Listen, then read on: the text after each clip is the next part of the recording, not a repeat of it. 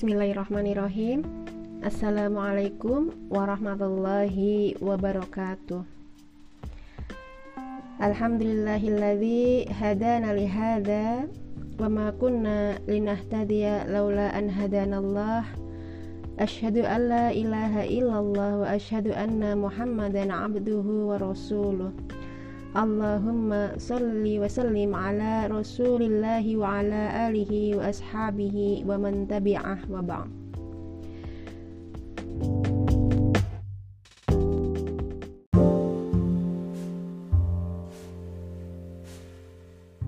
Akhwatillah rahimakumullah.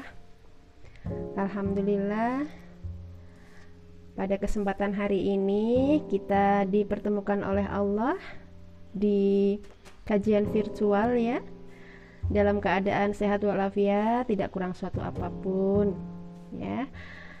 Mari kita lafazkan rasa syukur kita dengan membaca hamdalah. Alhamdulillahirobbilalamin Salawat serta salam semoga senantiasa Allah curahkan ke baginda Rasul Muhammad Sallallahu Alaihi Wasallam Mudah-mudahan kita semua senantiasa mendapatkan syafaatnya di yaumil akhir nanti. Dan di dunia ini kita senantiasa mengikuti petunjuk risalah yang beliau bawa dengan penuh keistiqomahan ya. Dan yang berat itu adalah istiqomah. Ya karena memang menjaga ya kadar keimanan kita itu tidak mudah banyak ujiannya ya kan banyak tantangannya banyak godaannya Nah, di kajian ini mudah-mudahan kita semakin meningkat iman kita, semakin meningkat ketakwaan kita, semakin kita menjadi hamba Allah yang insya Allah menjadi calon penghuni surga. Amin, amin ya Rabbal 'Alamin. Iya,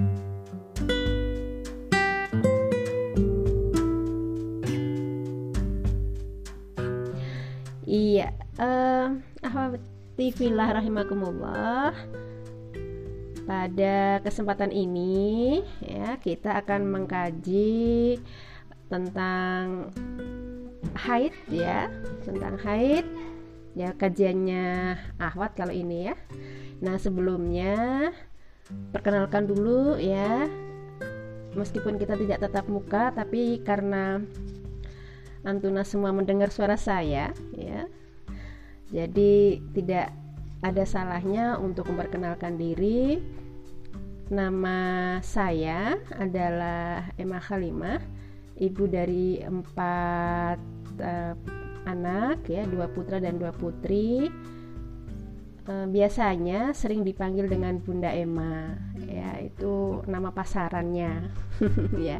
Nah sekarang Nah, statusnya sebagai ibu dan aktivitas sehari-hari mengelola yayasan, mengelola yayasan pendidikan ya dan kalau asalnya aslinya dari Pekalongan, sekarang tinggal di Magelang, di Mertoyudan. Ya, sekarang sudah jadi orang Magelang.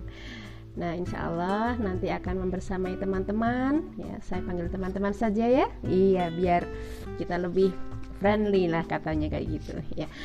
Iya, yes, uh, akan bersamai untuk uh, beberapa waktu yang ke depan, maksudnya untuk kajian kali ini, ya kita akan mengambil bab taharoh sebenarnya tentang haid dan tentang Oh, tapi tidak tentang nifas ya, ya. Karena biasanya kalau haid gandengnya dengan nifas, nanti gandeng lagi dengan istihadah. Nah kayak gitu biasanya. Tetapi karena ini remaja putri, kita tidak membahas haid, eh tidak membahas nifas ya, iya.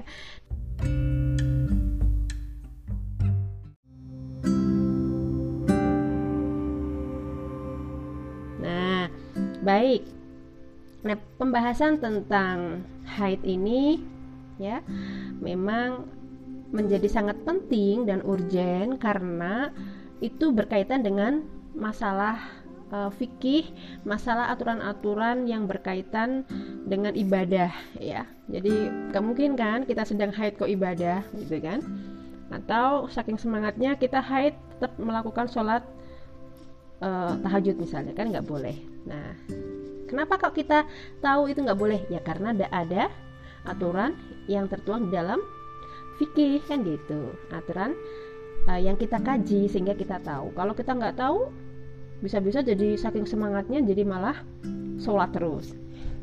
Nggak ya? Nah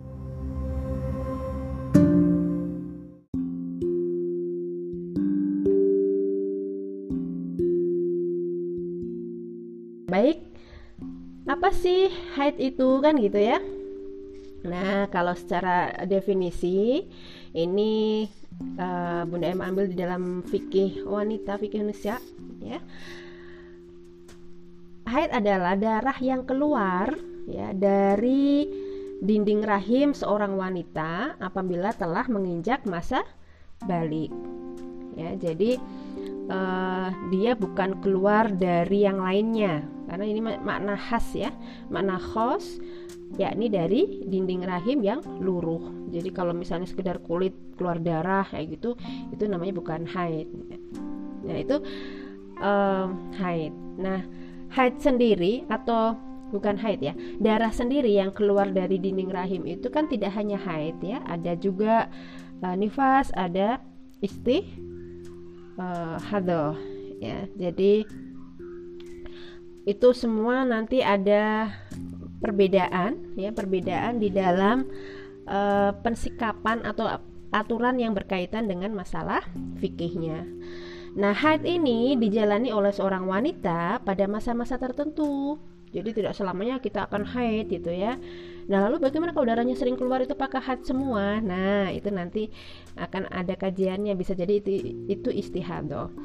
Nah, normalnya gitu ya yang paling cepat adalah satu hari satu malam dan yang paling lama adalah 15 hari gitu.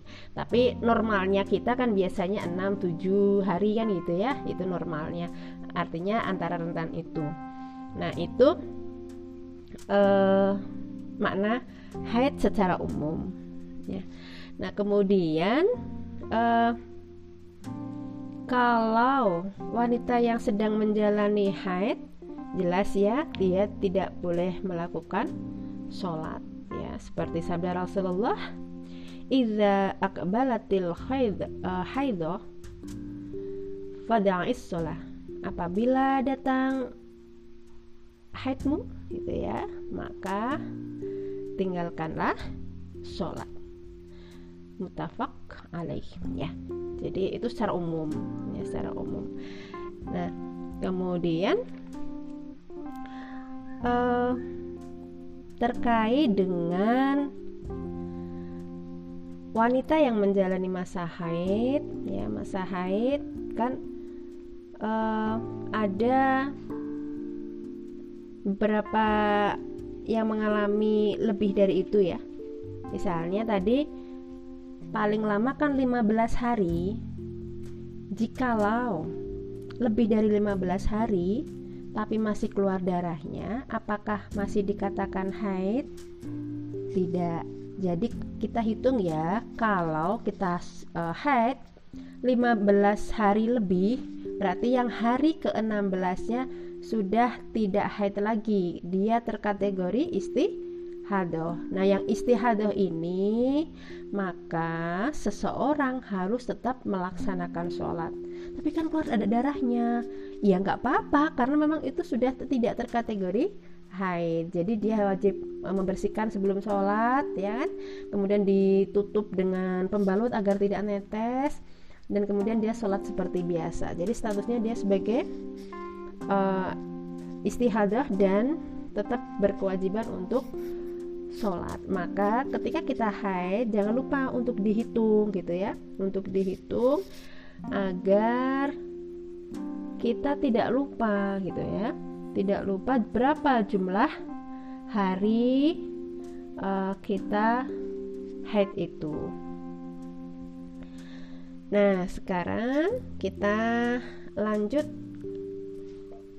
Apakah orang yang sedang haid ya uh,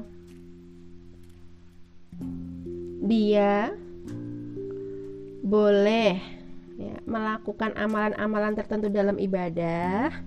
Nah, di dalam kitab fikih nisa ya disebutkan ada amalan yang diperbolehkan, ada amalan yang dilarang. Ya, kalau amalan yang diperbolehkan kita bisa melakukan amal soleh amal soleh yang bukan berkaitan dengan ibadah ya. Kalau dikir masih diperbolehkan ya. Nah kalau amalan-amalan yang dilarang yang pertama adalah sholat. Ya tadi sudah disebutkan hadisnya. Kemudian yang kedua adalah puasa. Ini juga jelas ya dalam hadis ya Alaisat ihdakunna idha khadat lam tusalli walam tasum Kulna bala Bukankah salah seorang di antara mereka kaum wanita apabila menjalani masa haid tidak mengerjakan sholat dan tidak pula berpuasa? Para sahabat wanita menjawab benar. Hadis Al-Bukhari. Kemudian yang ketiga membaca Al-Quran ya wanita yang tengah menjalani masa haid dan juga sedang dalam keadaan junub tidak boleh sama sekali membaca Al-Qur'an. Hadis riwayat At-Tirmidzi.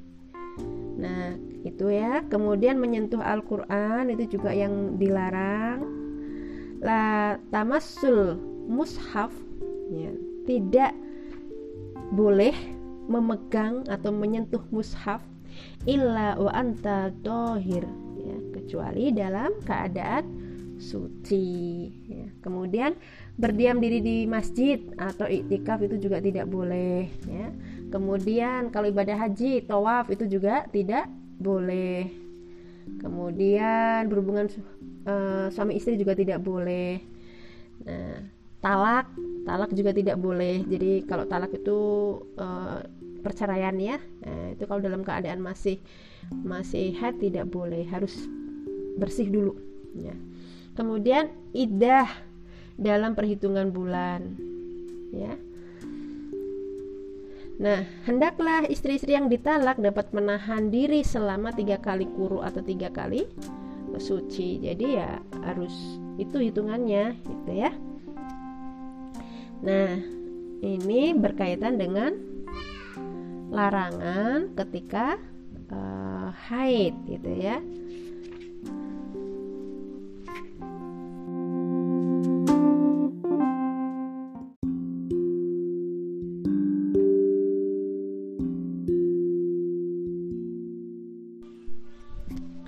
Nah, berkaitan dengan toharoh atau bersuci bagi wanita yang sedang haid itu ada beber, uh, ada beberapa aturannya gitu ya. Yang pertama membaca basmalah. Ya, ini tata cara mandi ya, tata cara bersuci atau mandi janabahnya. Kan ketika kita mau atau ketika kita sudah selesai haid kan uh, dan kita yakinkan betul sudah bersih maka kan kita wajib untuk mandi janabah. Nah, ini tata caranya seperti ini. Ini tadi yang pertama membaca basmalah dengan niat menghilangkan hadas besar melalui mandi. Selanjutnya membasuh kedua telapak tangan tiga kali. Setelah itu, ya, uh, membersihkan, ya, membersihkan uh, segala kotoran ya segala kotoran uh, dari beristinja gitu ya. Misalnya kita uh, buang air kecil ya gitu ya atau buang air, air besar misalnya ya kita uh, membersihkan itu. Setelah itu berwudu seperti kita hendak mengerjakan sholat ya. Kemudian yang keempat membasuh kepala dan kedua telinga sebanyak tiga kali Kemudian yang kelima menyiramkan air ke seluruh tubuh. Ya mandi maksudnya ya. Nah, ini Aisyah pernah meriwayatkan ya dari hadis riwayat At-Tirmidzi ya apabila Rasulullah Shallallahu alaihi wasallam hendak mandi janabah beliau memulai dengan membasuh kedua telapak tangan sebelum beliau memasukkannya ke dalam bejana. Kemudian beliau membasuh kemaluan dan berwudu sebagaimana hendak melaksanakan sholat. Lalu beliau menyela-nyela rambutnya ya, dengan air. Setelah itu, beliau menyiram kepalanya tiga kali dan menyiramkan air ke seluruh tubuhnya. Nah, itu ya. Jadi, itu tata caranya ketika kita uh, mandi janabah.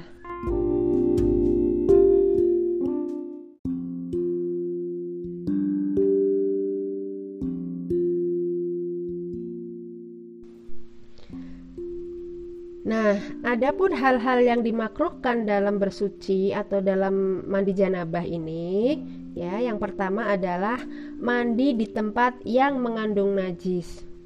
Ya, jadi ini dimakruhkan. Misalnya kita mandi tapi di bawah kita kok ada air kencingnya, kan bisa jadi nyiprat-nyiprat itu. Maka pastikan dulu najis najis-najis yang ada di sekitar kita itu disiram atau disemprot ya sehingga apa namanya tempat mandi kita itu menjadi tidak ada tempat uh, najis. Kemudian yang kedua mandi di air yang tidak mengalir. Ya. Ini sesuai dengan hadis riwayat Muslim. Ya. Layak tasilanna ahadukum filma iddaim wa huwa junub. Janganlah Salah seorang di antara kalian mandi dalam air yang tidak mengalir, sementara pada saat itu ia dalam keadaan junub. Kemudian uh, dimakruhkan juga menggunakan air secara berlebih-lebihan. Nah, itu apa namanya? Tidak baik ya. Jadi gunakan air secukupnya. Ya, gunakan air secukupnya, tidak dibuang-buang. Misalnya pakai kran di, dibuang-buang kayak gitu ya. Nah, itu uh, di sini dikatakan dimakruhkan atau makruh gitu ya. Nah, kemudian pada saat mandi kita diwajibkan menutup uh, atau menggunakan tabir atau ya di ruangan tertutup lah ya kayak gitu. Masa ya sih kita mau mandi di ruangan terbuka? Eh tapi ada juga loh yang mandi di di tempat terbuka. Ya. Nah itu kalau di sini diwajibkan. Jadi kita nggak boleh mandi di tempat yang terbuka. Ya meskipun pakai baju misalnya atau pakai ya kalau pakai baju nanti uh, ada aurat yang ter tersingkap juga kan kalau di tempat terbuka.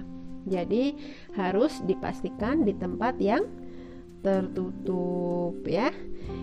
Iya nah itu terkait dengan mandi janabah. Lalu bagaimana sih seorang wanita itu uh, ketika apa namanya sedang mengalami haid tadi ya. Kan sudah dibahas itu eh, hal-hal uh, yang boleh hal-hal yang tidak boleh tata caranya mandi janabah gitu kan. Nah itu secara umum uh, sudah tergambar ya. Sudah sudah tergambar. Ya nah itu tadi berkaitan dengan toharohnya orang yang uh, haid atau mandi janabah ya. Atau mandi besarnya orang yang uh, selesai haidnya. Nah, bagaimana kalau misalnya hmm, tadi kita mengalami mengalami keluar darah lebih dari hari ke-15 gitu ya. Berarti itu kan istihadoh. Jadi teman-teman harus harus menghitung ya, harus menghitung uh, hari keberapa sih kayak gitu ya. Nah, sehingga kita jangan sampai menganggap apa yang keluar dari darah keluar dari kita uh, badan kita atau maksudnya keluar dari uh, dinding rahim gitu ya yang tadi pengertiannya haid ya. Itu dianggap sebagai haid semua padahal itu bukan haid gitu ya. Nah nanti e, ketika teman-teman istihadah misalnya ya mudah-mudahan tidak ya. Karena istihadah itu terus kemudian dianggap sebagai sakit gitu ya. Ya jadi teman-teman harus tetap melakukan aktivitas seperti biasanya. Tetap melakukan aktivitas seperti kita sedang suci. Nah itu ya. Jadi e, kalau kita kan masa sucinya ya paling cepat itu adalah 13 atau 15 hari ya itu masa suci. Jadi di antara rentang itu biasanya segitu. Dan paling lama kapan? Ya tidak ada batasnya. Karena orang kalau sudah menopause itu kan suci terus ya tidak ada haidnya. Jadi ya yaitu uh, masa sucinya gitu ya. Jadi tidak ada batas. Ya. Uh, itu kemudian ya karena ini waktunya terbatas ya teman-teman ya. Kalau kajian haid itu sebenarnya satu kitab sendiri nih. Eh, satu kitab sendiri ya. Iya tapi karena kita uh, di kajian virtual ini waktunya terbatas ya nanti uh, apa kita menyesuaikan ya. Jangan sampai nanti waktunya malah sudah habis ternyata materinya belum sampai. Iya nah kemudian uh, pernah mengalami nggak sih ketika kita sudah selesai haid kok mandi keluar lagi gitu. Pernah mengalami nggak? Pernah ya? Atau sering? Nah kalau pernah itu wajar. Sesekali lah ya. Tetapi kalau sering berarti kita belum bisa memastikan bahwa haid kita itu sudah bersih. Nah, teman-teman, kalau ingin memastikan haid kita sudah bersih, jadi uh, masukkan sedikit jari kita untuk uh, ngecek gitu ya. Tapi tidak usah dalam-dalam gitu ya uh, di sekitarnya itu masih ada coklat-coklat atau tidak ya. Jadi uh, sehingga kita tahu benar-benar sudah bersih. Nah setelah itu baru kemudian mandi. Karena darah itu kan uh, macam-macam ya. Jadi tidak semuanya merah. Ada yang kecoklatan ada yang warna agak pink ada yang agak kehitaman. Nah tergantung posisi kita head di hari keberapa. Nah itu ya. Jadi pastikan dulu bersih dan kemudian nanti baru mandi. Ya.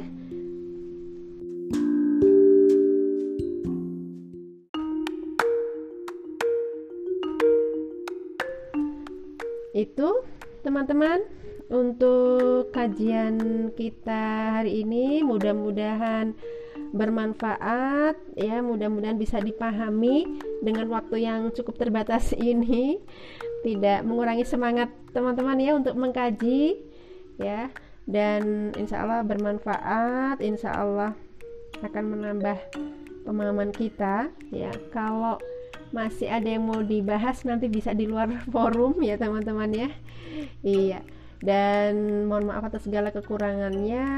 Kita akhiri dengan membaca doa penutup majelis Subhanakallahumma wa bihamdika asyhadu an la ilaha illa anta astaghfiruka wa atubu Ya, kalau ada kebenaran itu semata-mata datang dari Allah, kalau ada kehilafan itu semata-mata datang dari Bunda Emma sendiri ya. Uh, mohon dimaafkan. Billahi taufik wal hidayah. Wassalamualaikum warahmatullahi wabarakatuh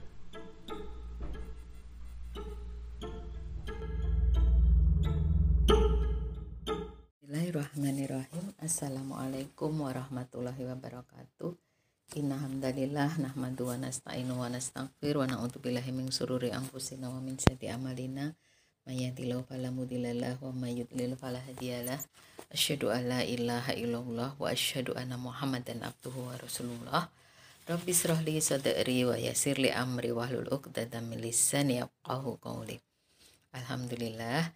Pertama dan yang senantiasa harus kita utamakan adalah memanjatkan puji dan syukur kita kehadirat Allah Subhanahu wa taala atas segala limpahan rahmatnya atas segala nikmat yang kita terima. Sampai saat ini Alhamdulillah Allah izinkan kita untuk menikmati indahnya bulan Ramadan. Salawat dan salam semoga senantiasa tercurah kepada uswah dan kutwah kita Nabi Muhammad Sallallahu Alaihi Wasallam. mbak-mbak yang dirahmati oleh Allah mudah-mudahan masih tetap bersemangat gih di detik-detik akhir Ramadan yang sudah akan meninggalkan kita semua. Terima kasih atas kesempatan yang diberikan kepada saya uh, untuk kembali bertemu dengan mbak-mbak semua dalam uh, forum kajian gih. Alhamdulillah, mudah-mudahan nanti apa yang saya sampaikan ada manfaat yang bisa dipetik. Tema yang diminta oleh panitia adalah tentang perang Badar gitu ya. Subhanallah ini satu tema yang berat gitu ya Mbak ya. Tema yang berat tetapi ibrohnya pelajaran yang bisa diambil sungguh sangat luar biasa. Semua pasti tahu gitu nggih, apa itu perang Badar gitu nggih. Perang Badar itu adalah perang yang sangat uh, kisahnya itu penuh dengan heroik gitu ya kalau zaman sekarang gitu ya. Kalau ada mau lihat uh, itu banyak di film-film itu ya. Di film-film itu banyak sekali gitu ya via YouTube sekarang juga bisa gitu ya. Nonton apa sih sebenarnya yang ingin kita ambil uh, pelajaran atau hikmah dari perang Badar ini? Marilah kita sejenak uh, berkilas balik gitu ya pada berbagai peristiwa yang terjadi di bulan Ramadan yang penuh dengan keberkahan Harapannya adalah ketika kita mempelajari dan mengamati peristiwa ini kita akan mendapatkan banyak hikmah. Peristiwa besar salah satunya yang terjadi di bulan Ramadan adalah Perang Badar. Perang Badar ini ada beberapa cerita dari beberapa yang pernah saya baca itu terjadi di hari ke-17 di bulan Ramadan. Saking hebatnya peristiwa ini, Allah itu memberikan nama sebagai Yaum Al-Furqan yaitu hari pembeda. Kenapa? Karena pada waktu itu Allah menurunkan syariat Islam di mana tujuannya adalah hendak membedakan antara yang hak dan yang batil. Jadi di sini Allah mengangkat derajat kebenaran dengan jumlah kekuatan yang sangat terbatas. Nggih. Mungkin jadi ingat ceritanya gitu ya. Ini kenapa menjadi peristiwa yang besar? Karena di sini kaum muslim itu bisa mengalahkan bisa mengalahkan kaum musyrik padahal secara kekuatan sangat-sangat beda jauh gitu ya. Jadi di sini memang Allah ingin menunjukkan gitu ya. Ketika kekuatan itu tidak seberapa tetapi di sini Allah menunjukkan bahwa yang benar itu pasti ditolong oleh Allah. Jadi sungguh sangat disayangkan kalau kita sampai tidak mau mempelajari dan tidak mau mengingat sejarah ini. Latar belakang pertempurannya juga sudah sangat uh, sering kita tahu gitu ya bahwa uh, sebenarnya di sini kaum muslim itu bukan kok kemudian untuk mengambil bukan untuk uh, ini ya perang ini ditujukan adalah untuk mengambil haknya jadi kaum muslim itu menyerang bukan semata-mata tanpa alasan gitu ya, tetapi sebenarnya ingin mengambil haknya gitu ya. Jadi ketika kaum muslim itu hijrah ke Madinah, maka harta-harta yang ditinggalkan di Mekah itu diambil oleh kaum Quraisy gitu nah. Gitu. Jadi ceritanya ingin mengambil kembali haknya dan itu diperbolehkan oleh Allah. Itu diperbolehkan oleh Allah. Dan Rasulullah juga uh, mengiyakan gitu ya. Dan di sini justru Rasulullah memimpin sendiri ya memimpin sendiri uh, perang Badar tersebut ya beliaulah yang memandoi ya jadi ketika kemudian di sini dikatakan bahwa ada beberapa pendapat juga bahwa pasukan yang ikut pasukan kaum muslim yang ikut di perang Badar itu ada yang mengatakan 313, ada yang 317, ada yang 314 gitu ya. Nah, monggo aja tapi intinya seperti itu. Di antara 300 belasan pasukan itu uh, kuda itu hanya ada dua gitu ya. sementara unta itu ada 70 nah, jadi untanya itu ditunggangi secara bergantian itu loh mbak. Secara bergantian itu. Sementara kaum kufa uh, kaum kurais itu wah ya namanya mereka kabilah gitu ya. Kabilah itu orang yang sangat kaya gitu ya.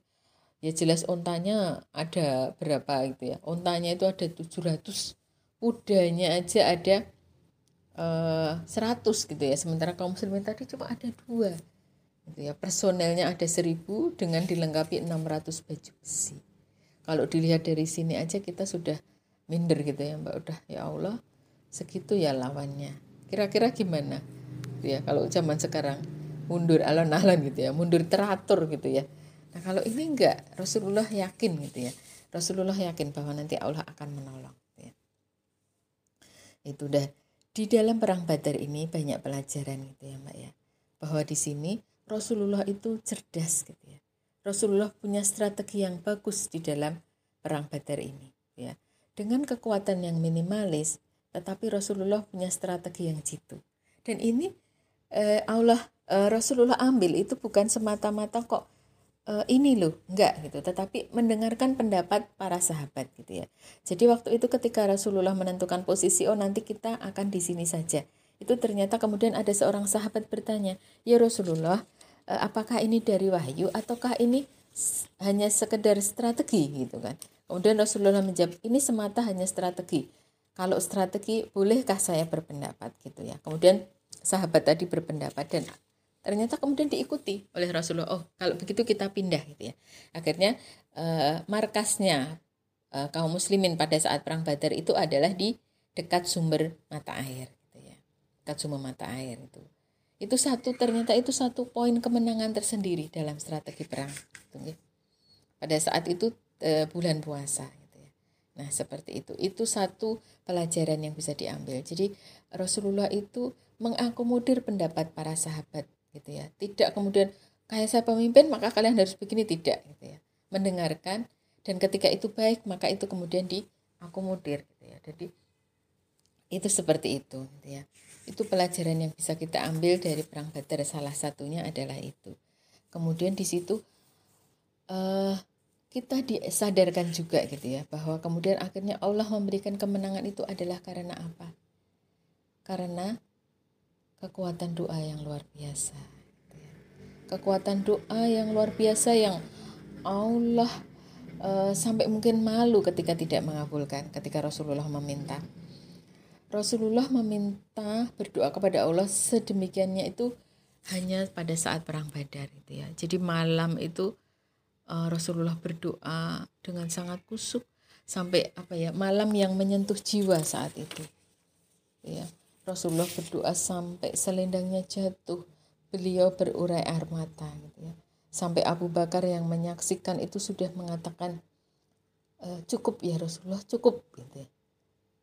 itu karena di situ uh, Rasulullah sampai mengatakan ya Allah jika engkau berkehendak engkau tidak uh, jika engkau berkehendak bahwa orang kafir menang, maka engkau tidak akan disembah, gitu ya. Ya Allah, jika pasukan yang kecil ini engkau binasakan pada pada ini, maka engkau tidak akan disembah. Sampai seperti itu. Maksudnya adalah memang itu karena awal mulanya peperangan. Kalau sampai kemudian kaum muslimin kalah, maka maksudnya adalah tidak ada lagi yang meneruskan dakwah. Itu. Sampai seperti itu Rasulullah berdoa. Dan kemudian Allah benar menurunkan pertolongannya pertolongannya adalah para malaikat gitu ya. Dan kemudian esok harinya Rasulullah itu sudah tahu gitu ya Mbak bahwa nanti uh, orang ini akan mati di sini, orang akan orang ini akan mati di sini, orang ini akan mati di sini itu adalah sudah mendapatkan petunjuk bahwa kemenangan itu akan ada di hadapan kaum muslim. Dan itu akan menjadi semangat kemudian kaum muslim untuk maju gitu ya, untuk maju berperang. Jadi mereka sudah yakin gitu ya bahwa kemenangan itu ada pada pihaknya gitu karena Rasulullah sudah mendapatkan petunjuk. Nah, seperti itu. Jadi kekuatan doa itu luar biasa sekali ya. Jadi jangan pernah meninggalkan doa dalam setiap ikhtiar-ikhtiar kita. Justru diutamakan. Itu kan Rasulullah berdoa dulu baru besok paginya berperang gitu ya. Jadi kadang kita suka kebalik gitu ya. Setelah berikhtiar maksimal ya kita berdoa. Setelahnya tawakal enggak begitu gitu ya. Kita justru berdoa dulu sebelum menghadapi sesuatu di esok harinya itu insya Allah kemudian maka Allah benar-benar akan menolong. Itu itu ibroh yang kedua gitu ya. Jadi kekuatan doa itu menjadi satu hal yang utama. Jadikan ia senjata utama gitu ya. Yang ketiga adalah marilah kita senantiasa mengindahkan niat kita meluruskan niat kita. Di dalam peperangan tadi